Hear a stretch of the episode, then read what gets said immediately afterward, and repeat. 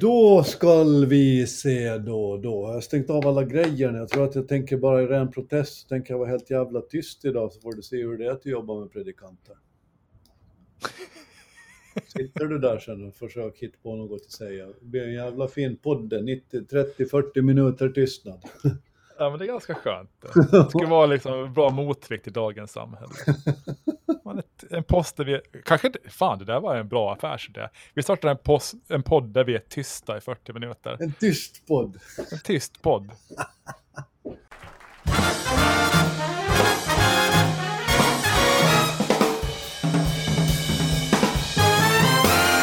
Det har blivit fredag. Vi skriver den 4 november och ni är hjärtligt välkomna till Ålands Handelspodd nummer 52 i den händelse att ni har hållit räkningen. Fredrik Rosenqvist som sitter på den andra sidan, är du färdig? Jag är redo, så redo man kan bli och taggad inför helgen. Du har haft en hård arbetsvecka bakom dig och det har inte jag. Jag har haft en fin och härlig arbetsvecka bakom mig. Jag heter Jörgen Pettersson och jag tänkte att vi idag skulle börja prata om eh, monsterpotatis, Fredrik. Vad säger du om det? monsterpotatis, Fredrik, vem är det? Nej, det var ett tilltal till dig. Fredrik, Aha. vad säger du om monsterpotatis? Uh, jag har ingen relation till, relation till monsterpotatisar. Nej, och vet du varför du inte har det? Nej. För att du inte läser text-tv. Jaha, okej. Okay. Ja, ja, nej, det stämmer ju om man läser text-tv så håller man sin allmänbildning på en hög lägsta nivå. Vill jag bara säga. Ja, ja. Okay. Men vad, vad, är monsterpotatis? Jag tänker potatisar vill man ju ofta inte ha för stora. Bakpotatis till exempel, de är ganska värdelösa. Så här ligger Men... det till.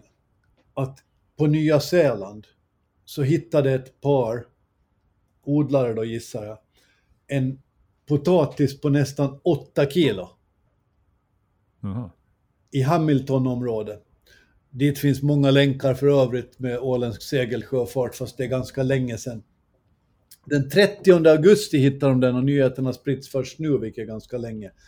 Man kontrollvägde den och den uppges väga 7,8 kilo och är anmäld som officiellt världsrekord. Vad säger du nu då? Alltså jag är måttligt imponerad, men ja okej. Okay. Det var, var imponerande ändå. Tänk själv om du sitter där med din potatis som har vägt 7,6 ja. kilo som du har hittat i ett land någonstans bak i Finström. Ja. Jag är lite färgad av att sommarens potatis, vi odlar för mycket potatis, vilket innebar att de blev kvar i marken väldigt länge och de växte väldigt mycket. Så det var otroligt stora potatisar och de var inte så goda. Ja, ja. Så man vill ju helst ha sådana här lagom storlek, men ja, jo. Ja. Den här tror man att har vuxit till sig under två års tid. Faktiskt. Okay. Mm. Och det är ju rätt spektakulärt på många sätt. Men den sista frågan, vad tror du att man har döpt den till? Om du skulle ha en potatis som väger 7,8 kilo, vad, vad, skulle du, vad skulle du döpt den till? Uh, Andre the Giant. För att hedra skulle... en gammal wrestlingstjärna. Ja, där skulle, jag, där skulle du ha gjort en, en insats, för de har döpt den till Dog. Aha, okay. Alltså Dog, inte som hund, utan D-O-U-G. Dog. Dog, Dog, okej. Okay. Så, ja, jag tyckte nästan mitt namn var bättre. Jag håller med. Jag håller med. Du har ganska sällan rätt, men just i det här fallet så kanske du har rätt. Och, och kom ihåg det här nu med eh, Facebook, för man får lära sig saker där. Och när vi en gång är inne där på så, så finns det en, en ja, du vet kanske, det finns en, ett stort system i världen som kallas för internet. Ja. Och på det så finns det olika grejer som kapitaliserar på olika sätt och ett av dem är Facebook. Är du med? Jo, absolut. Du känner till företeelse. känner till Facebook. Det är det enda sociala medier jag har kvar faktiskt. Okej, okay, så du har hört talas om det. Man kan säga ja. att det är rätt, det, det, är rimligt spritt idag, det får man säga. Mm. Kanske rent av stort. Ja. I varje fall så har vi pratat rätt mycket om Facebook genom åren. Det handlar om visselblåsare. Uh, där rätt många tycker att Facebook gör lite för lite för moral och etik och rätt mycket för att tjäna pengar. Uh, till exempel så blev de anklagade för, för Rysslands kopplingar i samband med förra presidentval i USA 2016. Och då uppges någon på kommunikationsavdelningen ha sagt äh, ta det lugnt, det kommer att vara snabbt överstökat. Några kongressledamöter kommer att bli sura och sen kommer de att gå vidare. Under den tiden så trycker vi pengar i källaren. Det var ju inte så fint sagt egentligen. Vad är ditt förhållande till Facebook och just de här sakerna som vi har pratat om ett, några program här nu? Um, ja, alltså jag tycker ju att uh, det här som har kommit fram, att i synnerhet Instagram är, är, är skadligt för, för unga personer och unga flickor i synnerhet, är uh, väldigt allvarligt. Eh, jag är illa berörd av det. Och att de vet om det och har forskning som visar det men inte har gjort så mycket åt det, det är ju ganska allvarligt. Det är ju, nu ska man ju inte dra, eller man kan väl dra paralleller till tobaksbolagen som visste om att det man gjorde var beroendeframkallande och skadligt, men man försökte döda det så länge som möjligt. Ehm, så det är inte så hedrande för det bolaget, kan man ju säga. Det är precis riktigt alltså. Jag delar, delar den analysen. Man kan lägga till många andra företeelser. Du kan lägga till äh, äh, spritindustrin, äh, spelindustrin, där man vet vad det ställer till med, om man fortsätter ändå och, och, det finns likhetstecken där. Skälet till att jag tog upp det här så här i inledningen av dagens podd är, ja, det är text-tv igen då som är ett formidabelt nyhetsmedel på alla sätt, som berättade att Facebook nu i dagarna har raderat ett etiopiskt stridsrop. Och, och det är ju som det är, men den här gången så handlar det om ganska allvarliga saker. Det här som vi oftast förknippar med Facebook så är mera ja, irriterande och möjligen provocerande, men, men inte direkt farligt. I det här fallet nu så har Etiopiens premiärminister Abiy Ahmed, eh, som tidigare har vunnit fredspris och, och mycket mer, har uppmanat sitt folk att ta till vapen och citat begrava fienden och dö för sitt land, citat slut. Eh, han skrev också att det är varje etiopiers plikt att dö för Etiopien. Och det här är ju väldigt ödesmättat och det har nu konstaterat att stridit mot Facebooks regler, för han skrev det i sin uppdatering. Och det har man mm. nu tagit bort. Men visst hade det ju gått långt om ett socialt medium som Facebook plötsligt börjar användas för, för krig. Eh, absolut. Sen är det ju det är ju inget nytt så. Det var ju även den arabiska våren när sociala medier var ganska nya så, så koordinerar man ju sig genom, genom Facebook och Instagram och sådär. Det, det, det är väldigt vanligt, speciellt i uh, ja, vissa typer av länder. Uh, sen är det ju så här, under arabiska våren så såg man väl som att det var någonting bra, för man gjorde uppror mot någonting dåligt. Uh, men sen används det ju av, av andra, andra som för en mindre ädel kamp. Men, men hur man ska förhålla sig till det där, det är ju jag menar, man kan koordinera olika eh, liksom, eh, krig och olagligheter genom eh, telefontrafik. Är det, är det liksom telefonoperatörernas fel? Så det är, ja, det är ett kommunikationsmedium bland många andra. Liksom. Så är det. Du kan inte beskylla yxan för att det, det, det händer bankrån eller, eller yxmord, det, det, det, går inte. Men Nej, det var ju som när Nokia kom med mobiltelefoner, connecting people. Ja men visst, det, man connectar ju knarkhandlare och sånt också, men de flesta använder ju telefoner till betydligt eh, fredligare, fredligare syften. Liksom. Alltså där är det, då, är det, då är det klassisk konsekvensneutralitet det handlar om, men, mm. men jag tycker ändå att när det kommer till ett sånt media som Facebook, som från början är väldigt oförargligt och skoj. Det är ju ändå underhållning det på något vis handlar om, i varje fall tror jag mm. det från början. Mm. Plötsligt har utvecklats till det här, allt blir så tydligt på något sätt. Jo, sen är det ju skillnad om, om man är en, om man har fastnat i Facebooks algoritmer, att den analyserar en och, tycker att man är, ja men, ska, vad ska jag hitta på? Man är, man är en Trump-sympatisör som har en massa vapen hemma och då tycker algoritmen det är bra att jag får se ett evenemang där man ska storma Kapitolium. Då, det är ju en, en annan femma liksom. Sen att jag håller på och mässar folk sådär. Ja. Men, ja, det, det, det, där är ju det vanligt jobbigare med algoritmerna. Folk brukar säga att de får en massa konstiga förslag i sina, ja. i sina flöden. det tycker jag alltid att det är roligt. ja, ja, men konstiga, alltså, alltså de här algoritmerna är inte jättesmarta heller. Jag får ju så här, alltså jag får ju reklam för typ graviditetstest, ja, den på finska. Jag tror att jag är en finskspråkig kvinna fortfarande, så jag har ingen aning vad det är. De känns inte riktigt sylvassa alla gånger, det gör de. Nej, de, de är väl bättre på sådana lite större ställen, som, alltså om man bor i USA eller någonting, om man bor på Åland så är det lite, ja, man är inte så viktig kanske. Också. Du, vi ska gå vidare i dagens program där vi har massvis med saker som vi ska och borde prata om. Men vi börjar med gårdagskvällen när du var moderator för en presentation av IPCC-rapporten. Hur gick det? Vad tog du med dig hemifrån det mötet? Uh, jo, det gick bra. Uh, jag tog väl det, det mesta jag tog hem, eller det som jag främst tog hem med, det var väl uh, Niklas Lampi som höll en, en, en, en, ungefär timmes lång dragning av den här IPCC-rapporten som kom i, det var väl slutet av sommaren, och som är på typ 5000 sidor, så man har ju inte läst den. Och det var faktiskt väldigt spännande. Um, det, jag, det som slog mig, och det som jag inte riktigt hade insett tidigare, var hur unik den här eh, temperaturstegringen som vi redan nu har sett, vi ligger väl på, här i Norden har vi väl ungefär en ökning på 1,5 grader och vi förespås ju få ja, betydligt fler grader om det fortsätter som det gör nu. Hur unikt det här är i, i, i mänsklighetens historia, det har helt enkelt aldrig hänt tidigare. Uh, så det var, det var ganska så här, på ett filosofiskt plan, omvälvande att inse att vi nu har gått in i en fas i uh, mänsklighetens historia som är helt okänd mark. Uh, och det är lite speciellt att man får vara med om det. Jag har också hört Lampis presentation, den, den, den, är väldigt bra och den är väldigt tydlig på väldigt många sätt. Mm. Uh, jag tycker att det som blev ett, ett medskick som jag tog med mig, eller ett resultat som jag tog med mig, det var att, att jorden kommer att klara sig. Det är inte fråga om det. Den, den håller ihop, den klarar, klarar mycket värre saker än det här. Men mm. det som det handlar om är egentligen människan och civilisationen som vi känner den. Ja, för att uh, under de 5000 år vi har haft mänsklig civilisation på, på jorden sedan man började, de gamla sumererna började, började odla så har temperaturen varierat alltså, alltså bråkdels grader uh, mellan plus 0,5 och minus 0,5.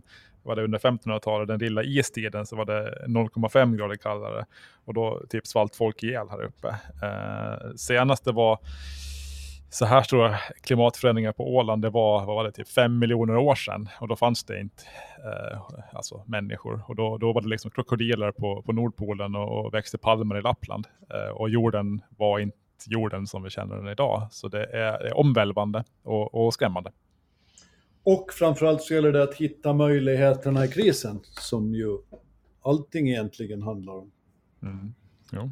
Eftersom så... allting kommer till fortsätta, vi kommer att fortsätta leva, vi kommer till fortsätta ha det bra, vi kommer till fortsätta älska, vi kommer till fortsätta allt. Men möjligen på ett annat sätt och det gäller det att hitta, hitta vägarna till. Mm. Ifrån det ska vi ta oss till Glasgow. Har du följt med vad som har hänt där riktigt? Ytterst sporadiskt får jag väl säga. Jag har läst några, eh, några så här eh, rapporter om vad som har sagts och vad som har beslutats. Den enda, den enda spaningen jag har därifrån är väl att det är ganska skönt att man har en amerikansk president som tar det här på allvar och inte en som struntar i det.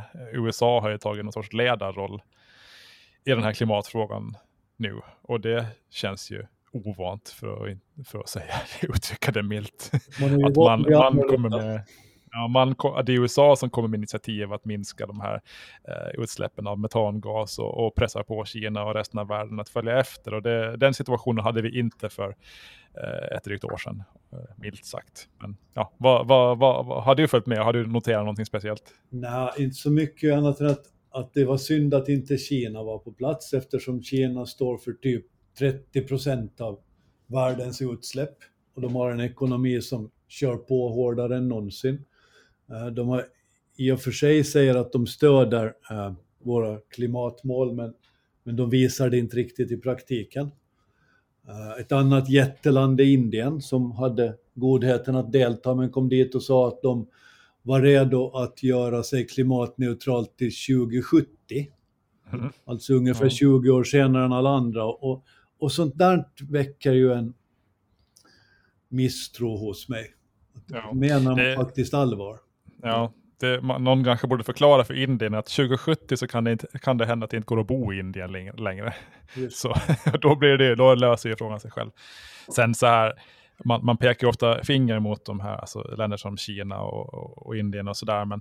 Och pekar på att men vi har ju minskat våra koldioxidutsläpp jättemycket. Eller en hel del åtminstone. Vad, vad, vad beror det på? Jo, det beror ju på att vi har flyttat produktionen från väst till Kina. Alltså våra iPhones och våra datorer och allting, våra bilar och sådär. Eh, vi tillverkar inte de här längre, utan de tillverkas i Kina. Men det är vi som konsumerar dem eh, till stor del. Så är, vi får nog ändå blicka på oss själva eh, också. Att kanske vi ja, inte ska köpa så mycket iPhones från Kina till exempel.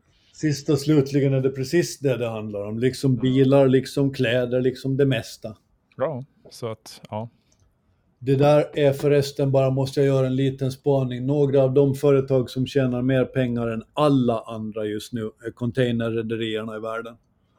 Där har både de stora kinesiska och de norska, eh, eh, danska Maersk och många andra har, har redovisat miljarders, miljarders, miljardvinster. Det är helt galet. Mm. Ja, så, men eh, Suezkanalen ska höja sina avgifter så de ska också ha en del av kakan nu så jag. Ja, så funkar folk. Förutom leveranser av naturgas av någon anledning. Jag vet inte vad det är. Det måste vara något storpolitiskt där, Ryssland eller någonting. Ja, det är det nog helt säkert. Eh, ja. När man kommer till, till, det, till det här Marsks eh, vinster också, de är ju ett, ett jätterederi. Så det har fått eh, danska politiker att väcka frågan om inte Marsk borde pressas på mera skatt. Mm. Ja. Vilket också är väldigt så här. Så fort det går bra för någon så är någon annan där och hugger tag i det som som verkar funka. Det är därför man, när någon frågar en hur, hur, hur, hur går det liksom om man har lagt nät och fiskar, så här, fick du något så ska man alltid svara nej. Just. Nej, det, det, är dåligt, nej det är dåligt. Så är det. Med jakt samma sak. Nå, fick ja, du några fåglar när ni var ute? Nej. Det... nej. För annars alltså, har man liksom hela jäkla stället fullt snart. Exakt så är det. Ja. Fråga, fråga en, en jordbrukare vilken som helst hur har skörden varje år? Alla svarar, ja det, det var dåligt. Det var dåligt gjort. Dåligt. Vi håller på att komma av ämnet. En sak som gjorde mig lite nedstämd i rapporteringen från eh, det här mötet i Glasgow var fokuseringen på om eh, president Biden, som ändå var där som amerikansk president och som, som du säger, har tagit lead på detta. Om han sov eller inte sov i samband med eh, att han satt och vilade sina ögon under en ja en information där. Sådant gör mig nedstämd eftersom man väljer att lyfta fram någonting som egentligen saknar betydelse i sammanhanget. Mm, det väl så lite klickhets, men vadå, herregud. Alltså, han, han, han jobbar säkert tusen miljoner timmar om dagen, och han är jetlaggad och han är hundra år gammal. Det är liksom, han, får, han, får, gärna sova för mig och sen vaknar han upp och så, och så pressar han på kineserna lite grann. Det är nog ja, håller helt med. Jag, det var det värre med Boris Johnson som flög skytteltrafik över halva Storbritannien. Det var svårt att förklara att man först måste flyga från var det nu var. Ja, det var väl kontinenten någonstans. Rom var det väl. Och sen flyga, och sen flyga privatjet tillbaks till London. Ja, jag vet inte. Vad, ja. Mm. Nåja, så där är det. Vi är alla lite till mans det där. Det är lätt att peka finger och prata i mobiltelefon, men det är svårt att säga och vara utan det, så, så, så lättare att skylla på att andra gör fel. Det är som mm. alltid här i världen. Du, när vi pratar om mobiler så måste vi lyfta Karlebyskolan i Finland där man nu kämpar mot elevers mobilanvändande. Eh, rektorn hävdar på goda grunder, tycker jag, att ha telefonerna med i klassrummet skäl elevernas uppmärksamhet. Men de har konstaterat från eh, Utbildningsstyrelsen så säger man att, att det kanske inskränker på yttrandefriheten om inte dessa unga ska få ha sina mobiltelefoner med sig i klassrummet. Och då frågar en vän av ordning, vad är det för jävla ordning? ja, nej, det kan man ju faktiskt undra. Ja, nej. Alltså mobiltelefoner i klassrummet låter ju helt knäppt. Varför ska man sitta med mobiltelefon i klassrummet? Obegripligt. I Sverige ja. tror jag att man, nej men på Åland, i Mariehamn tror jag att man numera har det förbjudet. Det kan mycket väl vara så. Ja, sen jag vet inte, alltså mobiltelefoner på, på rasterna och sådär, där kan man ju diskutera. Tycker jag väl kanske är helt rimligt att man får ha. Sen ställer det till med andra problem, liksom med ja, allt möjligt. Men i klassrummet, eh, nej. Vi är alltså emot det där. Det är bra att du make a stand. Ja, men man får väl välja. Jag tycker alltså föräldrarna borde väl få ha ett val sådär. Om vill jag ha ett barn i en skola där man får ha mobiltelefon i klassrummet, då ska det vara fritt fram. Och vill man välja en annan skola så då borde det vara fritt fram. Ja, om jag får välja sen, då tänker jag välja ha vårt barn i en, i en skola där man ska vara fokuserad på det man håller på med under, klass, eh, under lektionerna. Ungar fattar ju inte att har de en mobiltelefon så kan föräldrarna alltid få tag på dem. Ja, ja precis. Det, det är liksom det. Tänk vilken mardröm att ha haft det så när man växte upp. Ja. Nej, vi slapp ju det där. Det fanns inte mobiltelefoner när vi gick i skolan, så Nej. gamla är vi. Ja. Då hade man fritt fram, man kunde vara precis var som helst och göra hur Mm. man ville och allt sånt. Sen är, sen är frågan om man, var, om man var mindre ofokuserad för det i timmarna, det är lite oklart. Men... Mm. Ja. Den där frågan är svår. Vi går hur som helst vidare. Vi behöver prata pandemin. Den är långt ifrån över. Just nu har fler än fem miljoner strukit med över hela världen. Den har slagit hårt mot världens rika länder.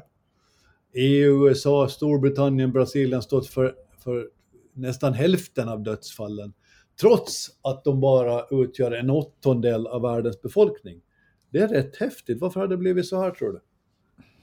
Ja du, nu får man ta fram hobby, vad heter det, epidemiologhatten igen då. Men Exakt. Man var ju borta ett tag, jag saknar den lite. min, min magkänsla är underrapportering i resten av världen. Kan det inte ha någonting med det att göra? Att det har dött en massa människor i resten av världen fast de har inte rapporterat som att de har dött av covid. Eh, det kan väl vara kanske en delförklaring. Men sen hade det väl också från början verkat som att den, det har spridit sig mer i, i Europa och USA eh, och Sydamerika. Det Så- kommer ju nu rapporter om att i Tyskland har man det riktigt besvärligt eftersom vaccinationsgraden är låg.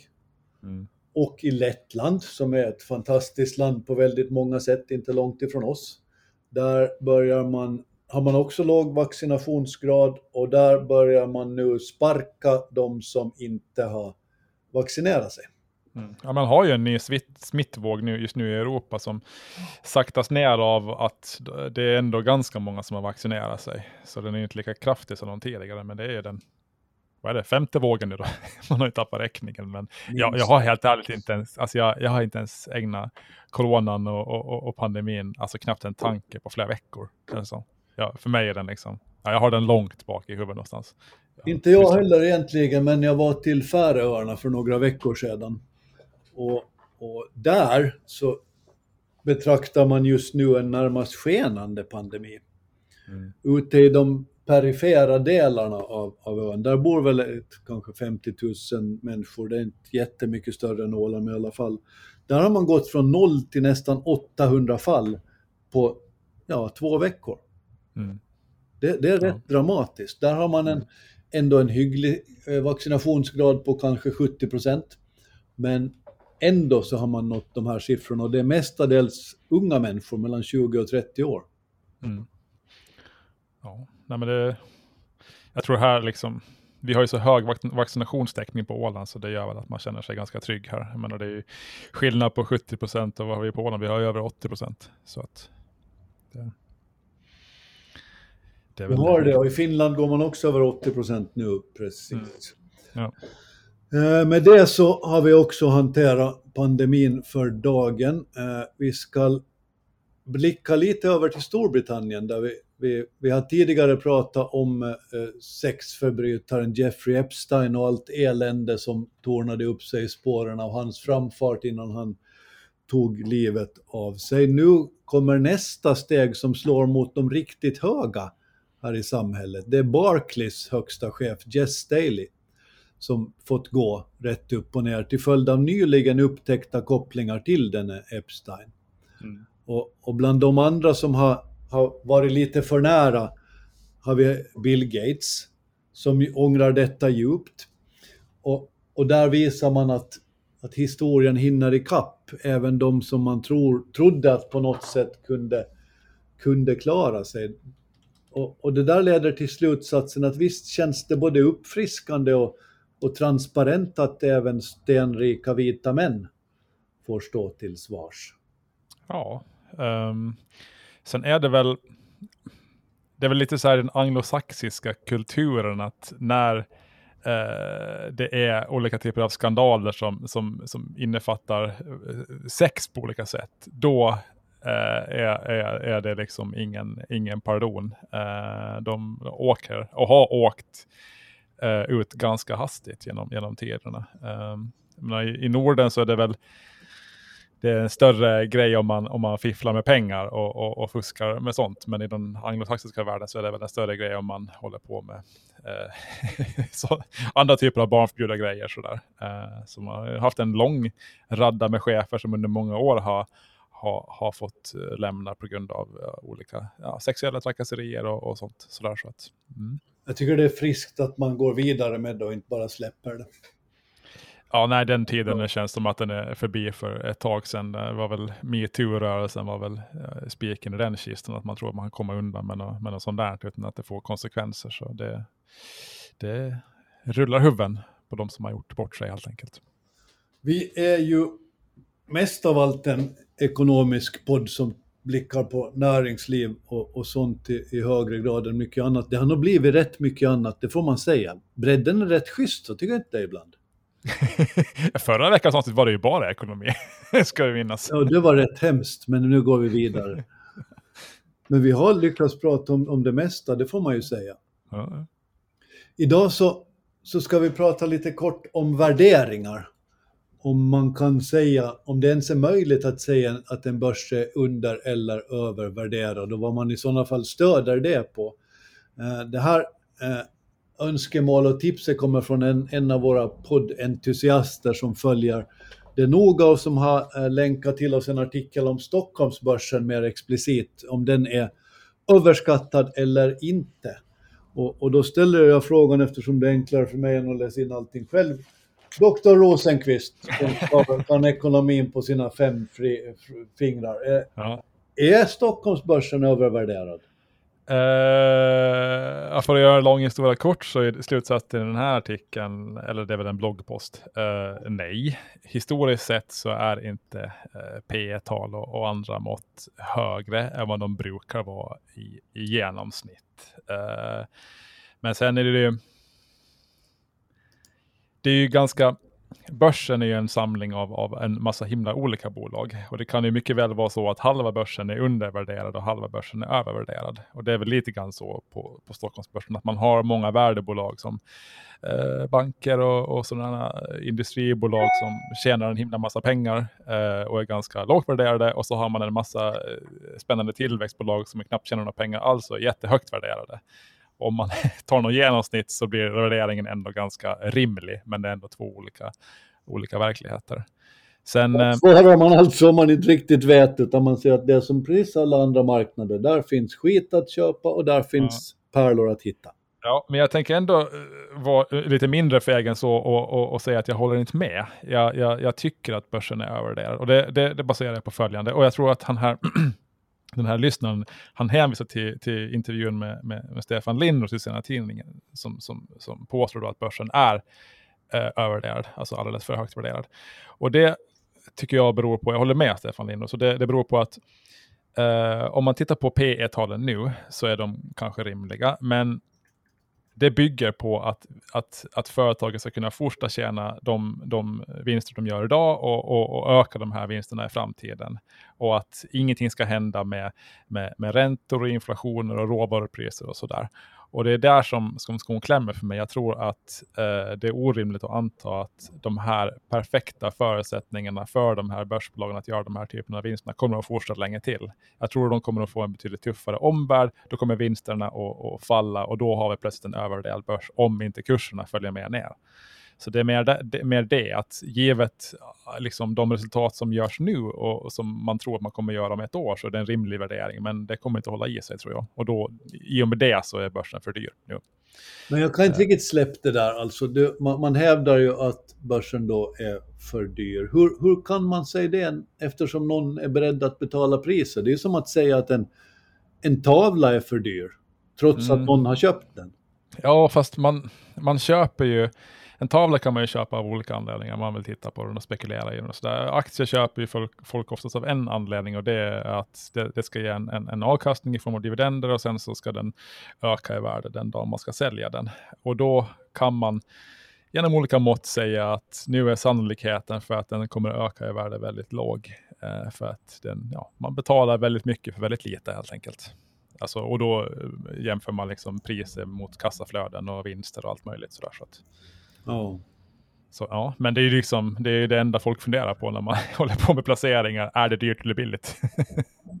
Kommer det att växa eller inte? Och det finns liksom tusen som säger att börsen är alldeles för dyr. Sen finns det tusen som säger att nej, den är för billig.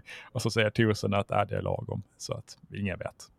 Ja, det är ju det som blir slutsatsen till sist. För så fort det handlar om köp och sälj så är varan värd exakt så mycket som köparen är, är beredd att betala till säljaren. Mm. Det, det, är ju ögonblicksbilden. Sen blir det ju många andra teorier eh, efter det förstås. Det ska man komma ihåg när man, när man köper och, och säljer aktier, att det finns ju någon på andra sidan. När du köper en aktie för ett pris som du tycker är, billigt, så då är det någon som säljer åt dig som tycker, oh, vad, vad tur att någon vill köpa till det här priset. Ja. Eh, och någon av er kommer förmodligen att ha fel. så att det ska man tänka på. Det är ju en människa på andra sidan som säljer oftast. Det kan ju vara en robot också. Men... En av mina historiska idoler är faktiskt den tidigare amerikanska presidenten Ronald Reagan. Han eh, hånades av ganska många när han tillträdde för att han var en skådespelare och en cowboykille. Eh, han var snabbare i tanken än de allra flesta, trots att han var till åren när han faktiskt tillträdde rätt rejält. Eh, han sa så många bra saker genom åren som Eh, etsat sig fast hos mig på väldigt många sätt. Men idag ska vi prata om hyperinflation. För med det du säger kring börsen och deras värderingar så är det ungefär samma sak med det allmänna polit- eh, ekonomiska läget i världen där vi har noterat att, att den inflation som vi trodde var försvunnen och utrotad har kommit tillbaks i spåren av pandemin. Det är del ett. Och del två är att allt fler lyfter lyfter spöket hyperinflation, vilket betyder då samma sak som inflation fast mycket, mycket, mycket värre. Och, och då är frågan, vad, hur rädda ska vi vara för det? Tror du på hyperventilation? Hyperventilationen. Jag hy- hyperventilerar över hyperinflation. Svårt att blanda Eh, mellan ventilation och inflation. Det är väl en sån där grej som att sannolikheten för att det ska inträffa är väldigt låg, men, men skadan om det inträffar är väldigt hög, så det förväntade värde är ju sådär ganska allvarligt. Men eh, alltså hyperinflation, det är väl typ om man har alltså, inflation som är alltså, fyra, fem siffror på årsbasis. Så det är liksom, pengarna förlorar i värde medan du typ tar upp dem i fickan ungefär. Det brukar sluta Eh. med världskrig, så det är ganska Ja, olyckligt. ur ett historiskt perspektiv. Nu, nu har det ju inte hänt i, i vår del av världen på väldigt länge, om man nu tar så här, ja, men Italien och sådär. Uh, så, så, så händer det ju då och då. Eh, de här fiat-valutorna, det vill säga valutor som, som inte har någon en, en guldmyntfot eller en bas i några reella tillgångar, de tenderar att ha en, en historiskt ganska kort livslängd som inte varar speciellt mycket längre än ett halvsekel eller ett sekel i, i värsta fall.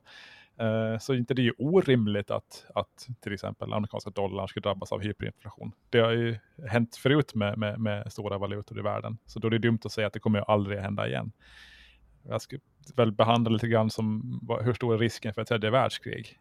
Det känns ju ganska otänkbart, men det har ju de facto hänt ganska ofta i historien att, att det har blivit krig. Eh, och vad säger att vi nu har sett det sista kriget? en hyperinflation så är ju sådan till sin natur att den inte bara kommer ur ingenstans utan det handlar om en närmast allmän kollaps när det, när det gäller förtroende för ett land och dess institutioner. Och, och där är det ju svårt att inte tänka på USA. Ja, det, man pekar väl där på, på den, den, den statsskuld man, man de facto har och sen också den, eh, så här, hur ska man säga, jag vet inte om latenta statsskulden är rätt sätt, men man har ju en massa åtaganden i form av, av, av liksom pensioner och, och, och eh, så här, eh, sjukvårdsersättningar som man ska betala i framtiden som man inte har täckning för. Och nu funkar det för att USA är liksom, vä- dollarn är världens reservvaluta, men vad händer om det skiftar och att eh, yuanen blir världens reservvaluta? Vad händer då med dollarn och sådär? Så att, mm, kan man Precis. sitta och spekulera i när man har tråkigt. Men, ja, polariseringen i USA, den är ju närmast värre än, än den mellan västra och östra Saltvik och, och, och det börjar Mm. säga rätt mycket alltså. Mm, jo, jo, det, så är det. Så att, ja, jag tycker inte man ska förlora sömn över det, men så här, om man är lite historisk av sig, som jag tycker om att vara, jag är ekonomisk historiker i grunden, så, så är det farligt tror jag att, att tro att historien aldrig upprepar sig och att men, vi vet bättre. Hyperinflation, världskrig, det kommer aldrig att hända igen. Uh, ja, det är farligt att tro så. Ronald Reagan, hur som helst, vi avslutar med honom, eh, vårt inflations, eh, vår inflationsanalys. Inflationen, sa han, är lika våldsam som en rövare, lika skrämmande som en beväpnad rånare och lika dödlig som en hitman. Mm. Man får ge honom det, han visste hur han skulle uttrycka sig. Ja, det är lysande. Han har väl också sagt någonting att det finns ingenting så permanent som ett tillfälligt statligt program eller någonting sånt. De försvinner aldrig. När man, någon inför en tillfällig skatt eller någonting, då ska man veta att det där kommer att bli kvar för evigt. Det har jag sett någon som har sagt också, som man brukar säga, att det finns inga tillfälliga lösningar. Ja. Utan allt vad du gör, eller tillfälliga reparationer, allt vad du gör är beständigt på sitt sätt. Mm. Det är en skön filosofisk tanke. Det var som när Finland införde den här bilskatten i 90-talskrisen som ett tillfälligt sätt att täcka upp för statsfinanserna och nu 30 år senare så är den väl kvar fortfarande. Ja, man kan ju säga för den dagen man tar bort den säger man ja, ja men det var bara tillfälligt. Ja, precis. så det är lite. Längre perspektiv bara. Du, på måndag så är det stor lansering av Viking Glory i Sjöfartsmuseet. Rederiet håller just nu på med en roadshow de har varit i Finland på en par ställen och berättat vad som är att vänta när Viking Glory kommer. De är precis just nu, as we speak som det heter, så tar de i land i Xiamen på Viking Glory. De har varit ute hela veckan på en teknisk provtur, den andra i ordningen. Visst ser vi fram emot det där? Ja, det gör vi väl. Framförallt att den, ska komma hit, tänker jag. Uh, det ska ju bli kul. Uh, däremot noterade jag att Viking har kört på, på diesel eh, ett tag. Fy!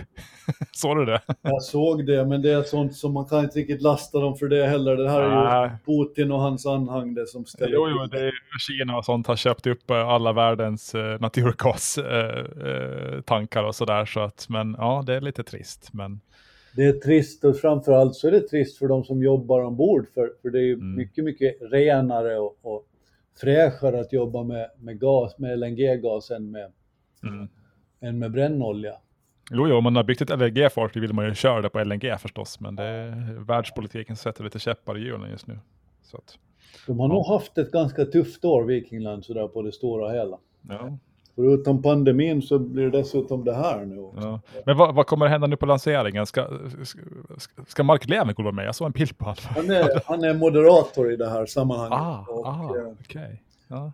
hjälper till att förklara för, på ett begripligt sätt. Sen kommer alla de här vanliga att vara med och det blir sångframträdanden och mycket bildvisningar och mycket annat det blir nog en rätt trevlig dag tror jag. Framförallt så andas det framtidstro och det är så viktigt i dessa tider. Ja, Annars också ja. för den delen. Du, hur bra är du på Squid Games? Har du kollat Squid Games ännu? Nej, jag har, jag, jag har ingen aning om det Jag har inte Netflix. För nu har jag ett litet problem på inkommande. Jag skulle nämligen vilja prata om Squid, en kryptovaluta. Och möjligen Mando, som är en annan kryptovaluta. Ja. Och de här förstår jag inte riktigt för, för de är resultatet av framgångsrika tv-produktioner. Som ja. ju då Squid Games är och som någonting som heter Mandalorian, en, en Disney-produktion. Ja, den, den har jag sett. Den är jättebra. Mandalorian. Ja, den har jag sett. Uh, jättebra. Ja, speciellt i och med att jag, jag är nybliven, eh, relativt nybliven pappa. Den handlar ganska mycket om föräldraskap och små söta barn och sådär. Så man, man satt ju där och var liksom, hade gråten i halsen hela tiden. Så där. Men, eh, men det är väl typ de här två, eh, inom citationstecken, valutan, det var typ så här rena scams. Alltså folk oh, som lurar pengar av folk. Man startar något som heter Mando från Mandalorian ja. och Squid från Squid ja. Games. Ja. Och man kallade det för kryptovaluta och man fick in några miljoner dollar och sen gick man hem. Jo, jo, man startade liksom tusen Twitterkonton som satt där och, och hypade dem och sen så eh, lurade man upp folk och sen stängde man ner alla konton och så var det bra med det liksom. Hur, hur dumma får man vara? Eller hur förslagna får man vara? Vilken fråga är mest intressant? Det är väl, uh, man brukar ju säga att det föds en idiot varje dag, men det ska man ju inte säga. Mm. Men det är väl ganska, ja, men det är väl det här girigheten att folk hör att kryptovalutor kan man bli rik på, man vill också vara med. Jag menar, pyramidspel och sådana här scams, de har ju funkat i alla tider. Alltså sen människan eh, började odla där i Mesopotamien så hade ju ja, folk lurat upp varandra. Så det, är nog, det är nog inget nytt, det tar sig bara nya former. I, idag är det kryptovalutor, för hundra år sedan var det ormserum och grejer. Så att, ja. Men det gör mig ledsen av det skäl att det oftast är de som egentligen inte har råd att bli upplurade som blir upplurade. Ja, ja men så är det ju. Visst är det uh, tragiskt? Jo, så är det ju. Sen finns det väl ett, ett, en, en rättsstat och, och, och, myndigheter som ska se till att det där inte får ske. Man får ju inte, de facto inte lura folk, alltså bedra folk. Uh, det är ju ja, bedrägeri helt enkelt. Så att man hoppas att de åker dit helt enkelt. Verkligen och hårt dessutom, för det där är så det är så hemskt på något vis att måla upp glansbilder och, och, och framtidsvisioner mm. för folk och sen bara dra undan mattan för dem. Det är ju tyvärr så att jag menar, man, man får de här Nigeria-breven och, och spammen och så tänker man, jag menar, hur, var, varför skickar de ut det här? Är de så verkligen så dumma att, att tro att någon går på det här? Men folk går ju på det fortfarande. Annars skulle de inte göra det. Så det är ju en extremt lönsam verksamhet. Så att, mm. Alla vill ha med också, också Fredrik Rosenqvist som har bestämt sig för att uh, växla upp i sitt uh, börs, uh, i sin närvaro på börserna. Hur, hur ska det här gå till nu? ja, jag har, har, har liksom passerat en gräns och, och, köpt aktier för lånade pengar. Ja, det, det, det, nu är vi oroliga. Nu, vad har hänt? Vad har hänt? Vad blir nästa? Ja, blir punkare eller vad ska det bli? Vad sa du? Ska det bli punkare efter det här eller hur tänker du? Nej, jag har väldigt liten belåning eller typ ingen alls i min övriga ekonomi och sådär. Jag är lite så här åländsk av mig att man, man ska ju helst inte låna pengar och sådär. Men rent rationellt så är det ju ganska bra att, att, att, ha en viss belåning av sin aktieportfölj. Jag har inte velat ha det tidigare, jag tycker det är lite läskigt, men man måste göra ibland saker som är lite läskiga. Så att, ja, nu har jag en liten belåning av, av min portfölj helt enkelt. Ehm, mm. Men det där är spännande, för det, förutom att det, det det är ju läskigt för du kan alltid förlora allt så funkar det i affärslivet. Men det, mm. det tvingar dig samtidigt att försöka lite hårdare. Absolut, och alltså just den här belåningen av aktieportföljen så är det väldigt konkret för att räntan bestäms av hur, eh, alltså hur bra riskspridning du har i din portfölj. Så inför den här belåningen så, så läste jag ju på om villkoren och så till att jag spred riskerna lite till. Det var bara det som behövdes för att jag skulle få den absolut lägsta räntan. Och jag måste ju fortsätta ha den här diversifieringen för att fortsätta ha den här, den här, den här låga räntan. Eh, annars så stiger den väldigt kraftigt kan jag säga. Så det, det sporrar ju en dels att eh, vara mer noggrann och tänka till vad man sätter pengarna på och också att sporra den att vara försiktigare i övrigt. Så att det är kanske, alltså det, jag har lite ändra åsikt, det är inte helt dumt. Sen det finns det en fara i det där också, att man belånar sig för mycket. För att om du har en för hög belåning så att om aktien faller väldigt mycket, då kan det bli tvångsförsäljningar och då står du där med ingenting. Men ja, men eh, man ska nog vara påläst om man ska syssla med det här. Eh, och, och, man ska ha hållit på ett, några år med, med, placeringar för, för att börja med det där. Men om man har gjort det så, så kan det vara en ganska bra idé. Det finns ganska mycket studier som visar att de som har eh, belånade portföljer, de har alltså högre avkastning. De, och det beror ju mycket på att de, de lägger mer tid och energi på det där. Så att, mm.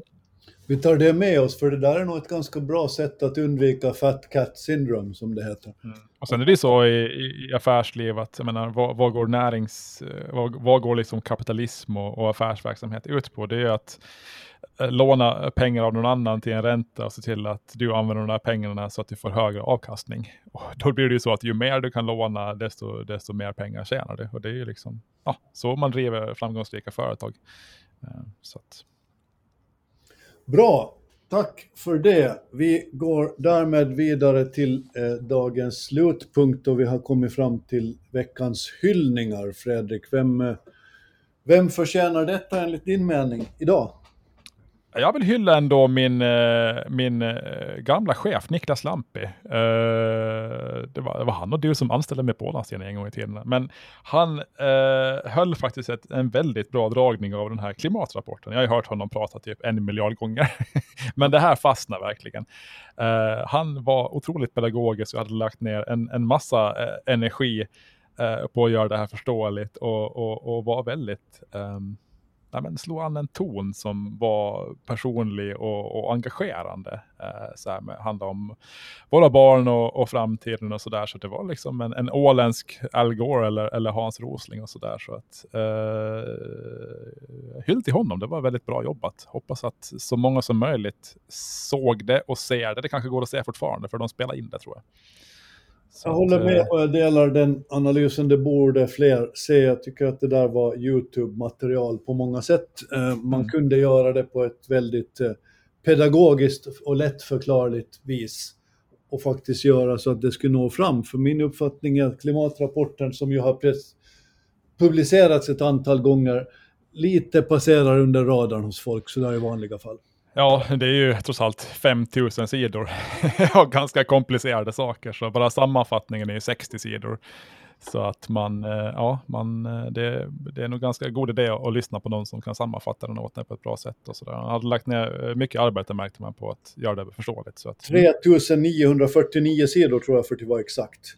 Baserad ja. på 14 000 vetenskapliga rapporter och godkänd av 195 länder. Mm. Den är alltså ja.